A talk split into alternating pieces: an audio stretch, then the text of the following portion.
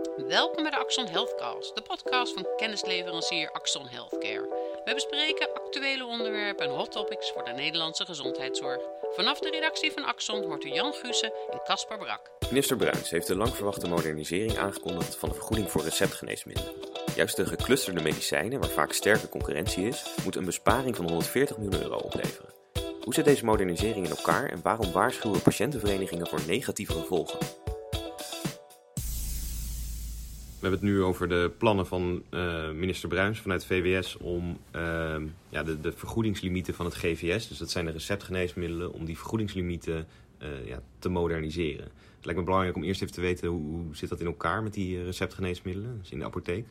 Het geneesmiddelenvergoedingssysteem kent natuurlijk een aantal clusters.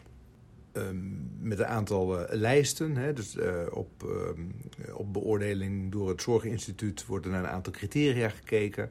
En afhankelijk daarvan kom je op een lijst terecht. Je we kennen lijst 1A, 1B en lijst 2. Uh, lijst 1A, en daar gaat feitelijk dit verhaal over met modernisering van het GVS. Dat betreft die middelen die onderling uitwisselbaar worden geacht. Dus waarbij eigenlijk dezelfde werkzame stof soms net in een ander jasje zit, maar waarbij eigenlijk wordt gezegd: die middelen lijken heel erg op elkaar, zouden ook onderling uitwisselbaar moeten kunnen zijn. En daar uh, stellen we een bepaalde vergoedingslimiet uh, voor op. Dat betekent dat die middelen samen zijn geclusterd.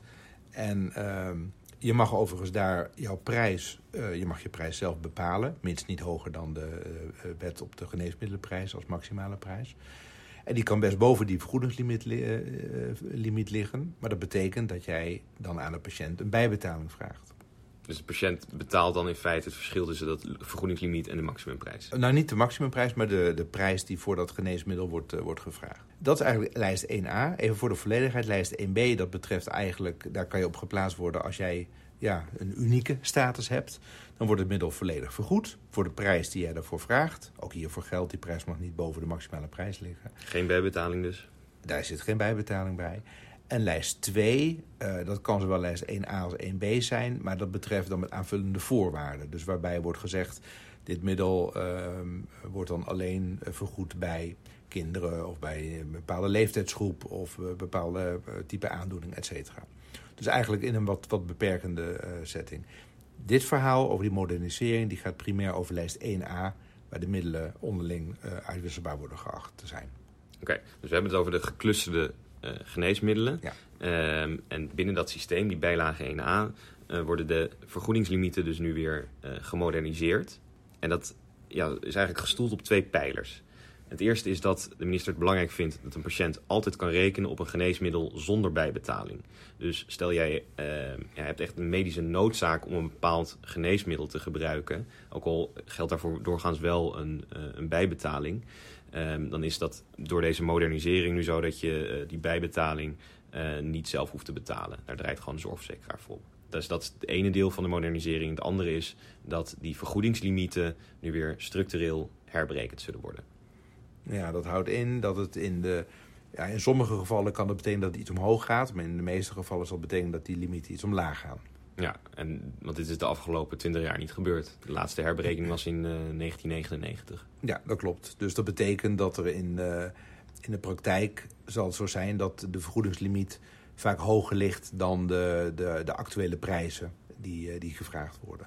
Er is eigenlijk nog een derde reden, misschien als aanvulling ook. Hè. Er zijn natuurlijk ook zogenaamde spookclusters langzaam ontstaan.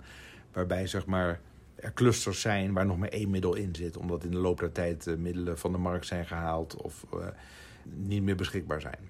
Dus eigenlijk ook om die situatie er ook uit te halen. Omdat het eigenlijk een vertekend beeld geeft. Dus ja, modernisering, dat, dat betreft eigenlijk een aantal zaken zoals jij omschrijft. En uiteindelijk levert dat natuurlijk ook de, de, de staat ook 140 miljoen op vanaf 2022. Of 40 miljoen vanaf 2021, want dan moet het ingaan, eind 2021.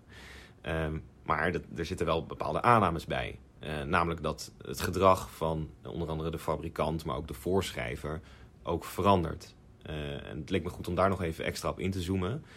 Um, want ja, we zouden best kunnen indenken dat in niet alle gevallen de fabrikant ook daadwerkelijk zijn prijs gaat veranderen. Want er is natuurlijk een verschil tussen, tussen de vergoedingslimiet, dus wat de staat betaalt, en wat de fabrikant doet met zijn prijs. Nou ja, als in sommige gevallen de prijzen al heel erg laag zijn, dan is het maar de vraag of het überhaupt nog realistisch is om die prijs nog verder te verlagen. Ook in Europees perspectief. Hè? Omdat alle landen natuurlijk weer aan elkaar refereren met hun, hun regelingen voor maximale prijzen.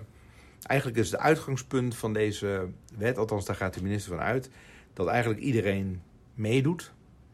En, en dat, alles eigenlijk, dat alle middelen ook op de markt beschikbaar blijven. Want als natuurlijk de uitwerking is direct dat fabrikanten zeggen... ja, nou, leuk deze uh, limietverlaging... maar ik kan mijn prijs niet verder verlagen... dus mijn prijs blijft boven die limiet zitten... ja, dan heb je dus een middel met bijbetaling.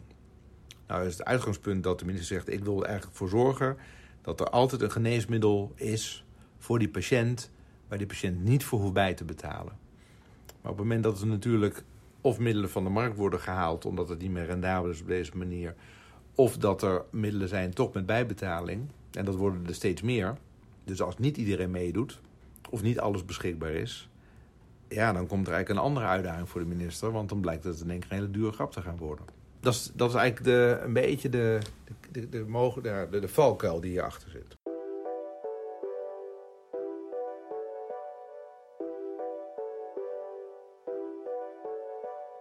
Aan de zijde van een voorschrijver hebben we natuurlijk ook afgelopen tijd gezien dat uh, bijvoorbeeld in het geval van vitamine D, eh, waar de, uh, besloten was om, om een deel van vitamine D uh, ja, niet meer te vergoeden. Dat moet, moeten patiënten dan zelf kopen in de drogist. Ehm, maar bleek dat, dat die patiënten het niet zelf zouden gaan kopen, maar dat, dat ze ineens een medische noodzaak hadden voor een duurder type vitamine D hè, met een hogere dosering. Dus we zien dat ook soms voorschrijvers ja, niet alleen om medische noodzaak, niet alleen om medische redenen, een patiënt op een bepaald geneesmiddel zetten. Ja, en dat is natuurlijk een beetje de valkuil die hierachter zit, rondom dat begrip medische noodzaak. Hè. Dus de minister die schetst eigenlijk van ja, eigenlijk ga ik ook medische noodzaak hier op het stuk vergoeding toepassen. Omdat er dan op die manier een vangnet komt voor patiënten die een bijbetaling niet kunnen vermijden. Dat is eigenlijk het voorstel daarin. Maar als dat betekent, en, laat ik al zeggen, uiteindelijk moet, moet dit geld opleveren. Want dit is ook een besparingsmaatregel. Hè. Het is natuurlijk enerzijds uh, een, een, maatregel die, uh, laat ik zo zeggen, moderniseert omdat een aantal dingen verouderd zijn. En uh, dus er is ook, ook zaak om dingen op te schonen. Ik denk dat het streven ook heel, heel helder is dat um, rondom medische noodzaak en beschikbaarheid van geneesmiddelen het wat eenduidiger wordt voor die patiënt. En dat er altijd iets, dat er altijd een geneesmiddel te kiezen is zonder bijbetaling. Uh, dat is heel erg mooi. Maar het is natuurlijk ook een besparingsmaatregel. Dat is natuurlijk ook de intentie. Want hij is uh, ingeruimd voor. Ja, 140 miljoen vanaf 2022. Ja, ja. En, en, en, eigenlijk met het doorrekenen zoals het er staat, zou, is de verwachting dat het nog meer op gaat leveren. Dus ergens moet dat geld vandaan komen. Nou ja, je kan zeggen, als de fabrikant erin meebeweegt, dan komt dat geld eigenlijk bij die fabrikant vandaan. Maar als die fabrikant niet meebeweegt, ja, uh, en er zijn veel meer uh, middelen waar uiteindelijk dan toch voorbij betaald moet worden, dan uh, moet het eigenlijk toch bij de patiënt vandaan komen. Ja, dus die, die 140 miljoen, dat gaat wel opleveren. Het is een beetje de vraag waar het vandaan komt. Want het zou zomaar kunnen dat de patiënt ervoor opdraait. Ja. Vandaar dus ook dat we hebben gezien dat de patiëntenfederatie ook zegt van nou, uh, die kosten moeten niet afgewendeld worden op een patiënt. Ja, dat weet je nu nog niet, wat, wat er in de praktijk gaat gebeuren. En het is ook altijd moeilijk bij dit soort dingen, want er is ook al vaker onderzoek gedaan naar uh, gevolgen van preferentiebeleid. Bijvoorbeeld bij het overstappen van de ene middel naar het andere middel. Dat geldt hier natuurlijk ook. Hè. Dus op het moment dat je, wat gebeurt er als je bij wijze van spreken mensen uh, ja, eigenlijk toch meer dwingt tot te kiezen voor een bepaald geneesmiddel. Ja, voor sommige mensen is die wisseling heeft ook weer een negatieve impact op therapietrouw. Um, dus dan reken je rijk aan de ene kant. Aan de andere kant, als mensen dan uh, het middel niet goed of helemaal niet gebruiken, dan is nu onder de streep. Zijn de kosten eigenlijk weer veel hoger. Um, dus het is altijd heel moeilijk om dit in, in, extra centjes door te rekenen. Maar de vraag is een beetje, dat is denk ik het andere punt. Is dit niet, is dit niet een strijd die hè, op, op een slagveld die al lang uh, gestreden is? Want uh, we hebben natuurlijk een, een, een, hele reeks aan maatregelen. En het wordt natuurlijk een beetje een opeenstapeling van.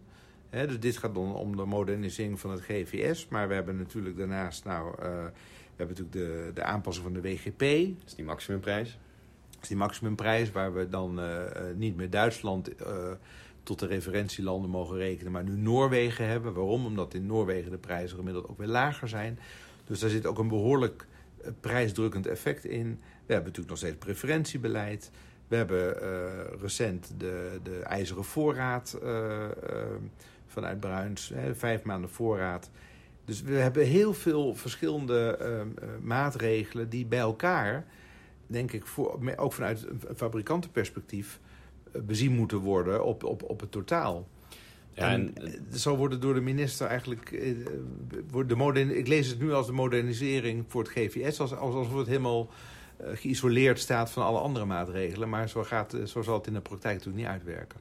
Nee, die, die maatregelen komen er nog aan, hè, die, die je net noemde. Um, maar wat we de afgelopen jaren ook al hebben gezien, en dat zien wij binnen Axel natuurlijk ook als we kijken naar de, naar de marktcijfers, dan zie je dat er al een enorme concurrentie is, juist binnen die bijlage 1A, juist binnen die geclusterde geneesmiddelen. Onder andere door het preferentiebeleid en door die prijsdruk van de WP, et cetera. Dus je ziet exact in die cijfers waar je aan refereert, dat door de jaren heen het, het uh, de, ja, eigenlijk prijzen er constant zijn gebleven. Hè? Dus eigenlijk het, het, het geld, uh, uh, uitgaven constant gebleven, maar het volume heel erg is toegenomen. Ja, dus eigenlijk hebben we met dezelfde uitgaven meer mensen geholpen. Ja, ja. dus de vraag is, hoeveel rek zit daar nog in om aan die knoppen te gaan draaien? En ik denk dat... Uh, het, nogmaals, de doelstelling om het te moderniseren en voor patiënten eenduidiger te maken dat er altijd iets eh, te kiezen is zonder bijbetaling, dat is denk ik een heel mooi streven. Maar het besparingsstuk daarin, dat kan je eigenlijk niet loszien uh, van alle andere maatregelen die er, uh, die er gelden. En die opeenstapeling, die kan zoveel impact hebben, ook voor betrokken fabrikanten, dat het uitgangspunt van de minister dat iedereen uh, er wel aan mee zal doen en dat alles beschikbaar zal blijven, ja, dat moet de praktijk uitwijzen. Maar als dat niet gebeurt, ja, dan zou de impact nog best wel eens een, uh, een addertje onder het gas kunnen hebben. Ja, en dat gaan we niet nu al zien, uh, want die, die WGP, een van die maatregelen, die maximumprijzen, dat zien we vanaf april. Um, en juist deze maatregelen, die monisering van het GVS, dat is dus ingeboekt voor uh, de tweede helft van 2021. Ja. En dat op zich natuurlijk ook een interessante timing, omdat het zich nou, na de verkiezingen bevindt. Uh, dus het is eigenlijk al de, een, een, politieke erfenis van minister Bruins. Die geeft het door aan de, aan de volgende regering. Dus ja. daarmee komt dit dossier natuurlijk op de formatietafel. Hè? Want in combinatie met uh, de maximering van de bijbetaling die we kennen, die nu 250 eh, euro is en die tot het eind van die kabinetsperiode nog uh, gestabiliseerd is. Ja, want het is goed om daar nog even over te zeggen. Ja. die is inderdaad nu op, op 250 euro gesteld, maar dat betekent dat als een patiënt meer dan 250 euro moet bijbetalen, dat de zorgverzekeraar daarvoor opdraait. Exact. Um, ja, en dat is geen vaststaand gegeven, die 250 euro. Die is vastgesteld tot eind 2021. Dus ja. het komend kabinet, ja, die formatietafel waar je het net over hebt, komt dit dossier onmiskenbaar op terug. Ja. En uh, die bijbetaling kan omlaag, kan omhoog. Dat is gewoon wat de, wat de politiek besluit. Dus dit is eigenlijk nog redelijk ver van het bed in die zin. En uh, nog alle, alleszins geen gelopen race, omdat er nog heel veel andere factoren hier ook een rol uh, spelen. Dit was het alweer voor deze aflevering van de Axon Healthcast. Wist u trouwens dat we onze podcast ook delen op Spotify en in de podcast-app? Daar kunt u ook een recensie of rating achterlaten. Dat helpt ons om dit project verder te ontwikkelen. Axon hoort graag wat u vindt, dus stuur uw vragen of opmerkingen gerust naar redactie.axon Healthcare. Hartelijk dank voor het luisteren en graag tot ziens.